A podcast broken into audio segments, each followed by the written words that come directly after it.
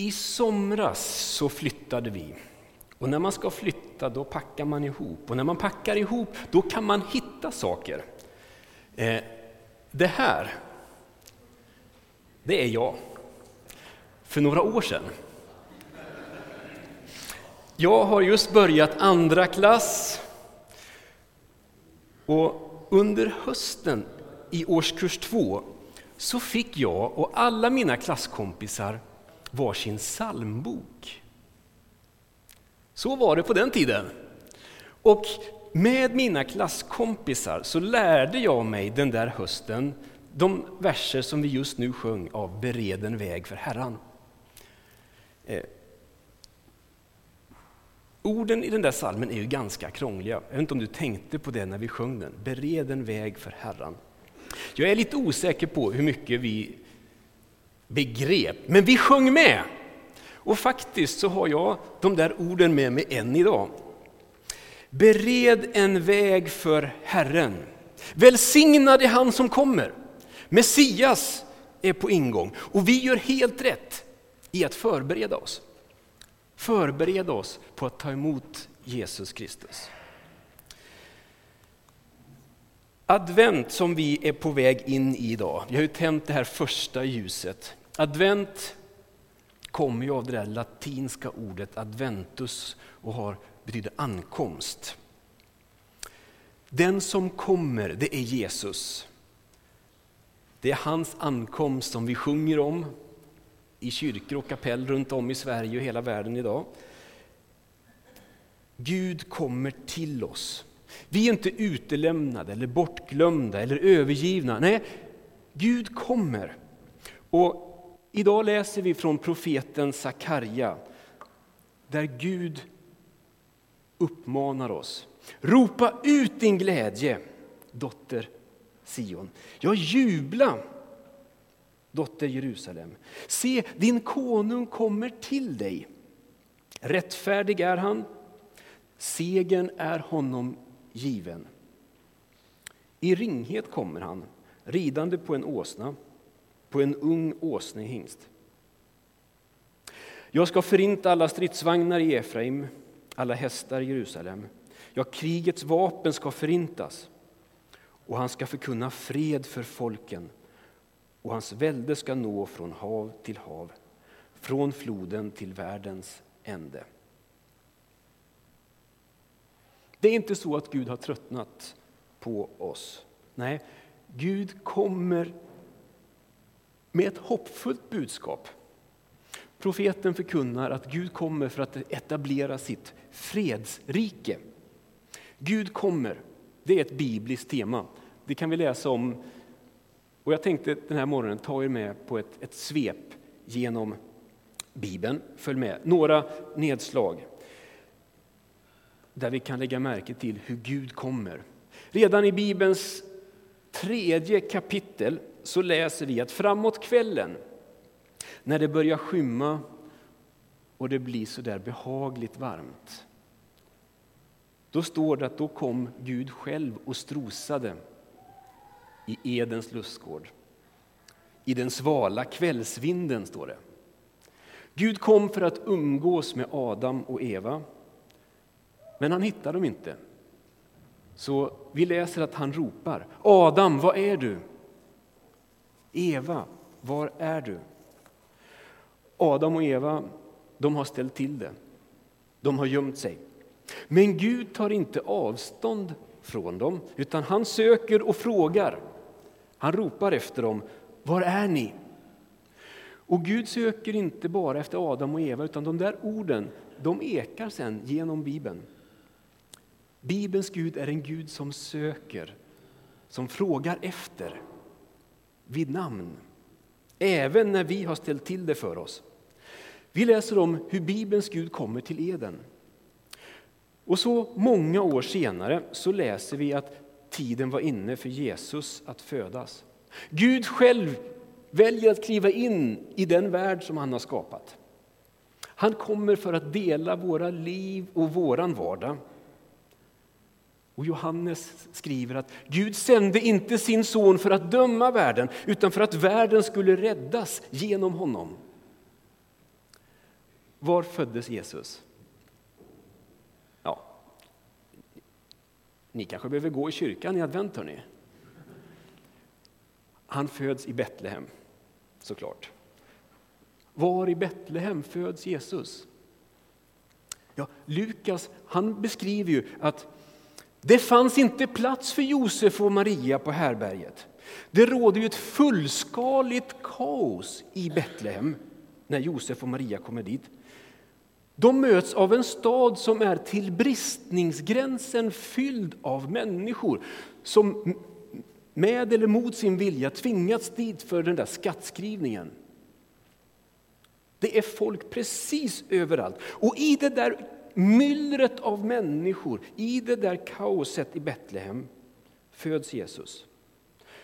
Och det kan ju inte ha varit den förlossning som Maria eller Josef drömt om. Det är minst sagt stökigt. Och ändå, det är ju dit himmelens Gud kommer. Sån är Bibelns Gud. Och det budskap som vi möts av under advent och julhelgen, det gör eller förmedlar ett definitivt slut på den typ av andlighet som säger oss att vi måste ta oss någon annanstans för att möta Gud. Att vi måste lämna vår röriga vardag för att på en mer tillrättalagd plats möta Gud. Så är det inte. Julens budskap är att Jesus Kristus kommer till oss mitt i vår vardag. När man läser berättelsen om Jesus så märker vi att på något sätt i mitt i syndens epicentrum, där finns Guds son. Himlen landar mitt i vår vardag. Han kommer till oss i Eden, i Betlehem.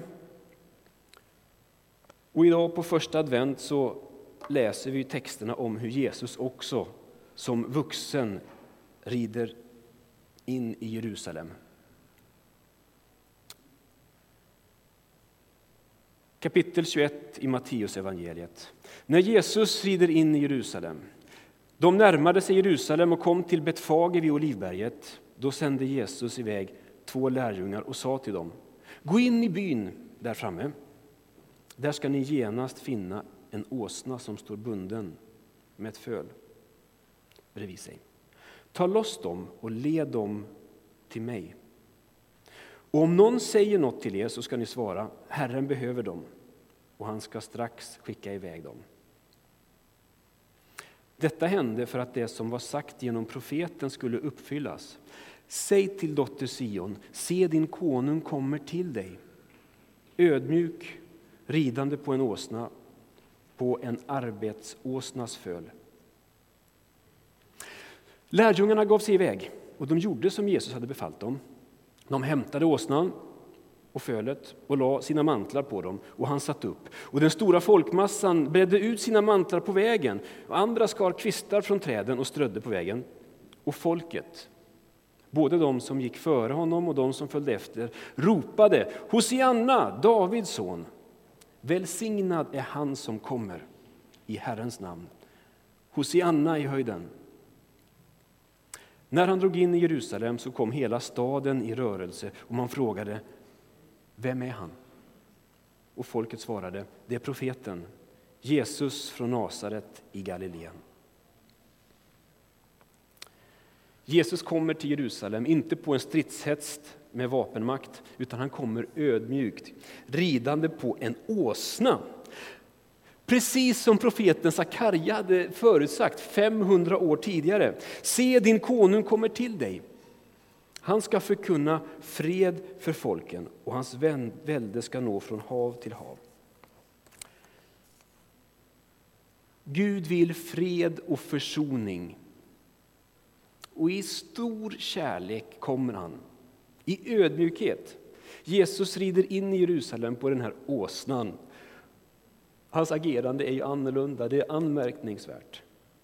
Han kommer inte med maktanspråk. Våldets väg är inte Jesu väg, varken då eller nu.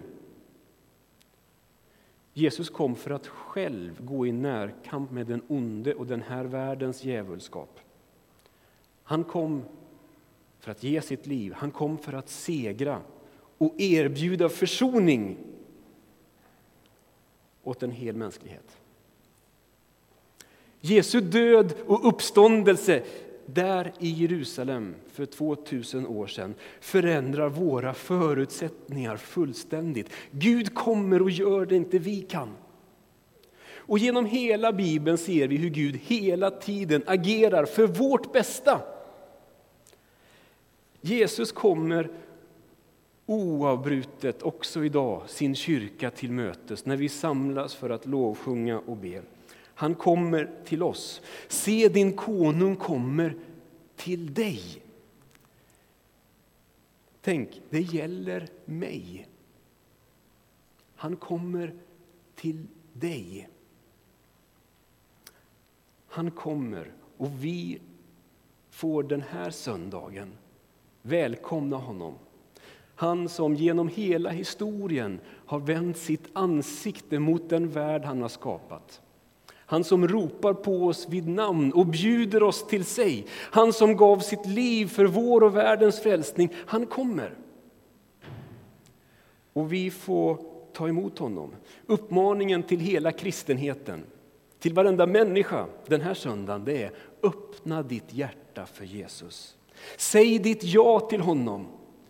Säg ja till det han har gjort för dig. Säg ja till det som han vill leda dig in i. Den Gud som har uppenbarat sig i våran värld. Den Jesus som föddes i Betlehem. Som segrade på en kulle utanför Jerusalem kommer till oss. Och när jag om någon minut bara ska avsluta min predikan så är det din tur att gensvara. Gensvara på det som är den här söndagens budskap. Det är din tur då. Och då så, när vi ställer oss upp för att lovsjunga och be så kan du där du står vända dig till Jesus i bön. Du kan också komma fram hit till ljusbäraren och till korset, tända ett ljus och stå här i enskild bön. Du kan också söka upp en förebedjare som har kommit hit idag för att vara med och be tillsammans med dig. Och tillsammans så sjunger vi idag vi sjunger ut vårt tack till den Gud som kommer till oss för att dela våra liv och våran vardag. Låt oss stå upp tillsammans.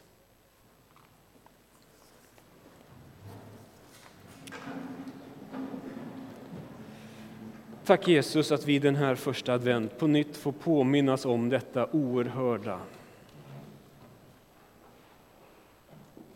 Att du inte är långt borta från någon enda av oss. Tack att du hör vart hjärtas tysta bön. Och när vi sträcker oss emot dig så, ja, redan på långt håll så har du sett oss. Och tack att du möter med oss. Du som är förtrogen med allt, tack att inget mörker är så mörkt att inte du kan urskilja och se en väg. Tack att vi är kända vid namn. Och Herre, vi vill med din kyrka lovsjunga dig Jesus.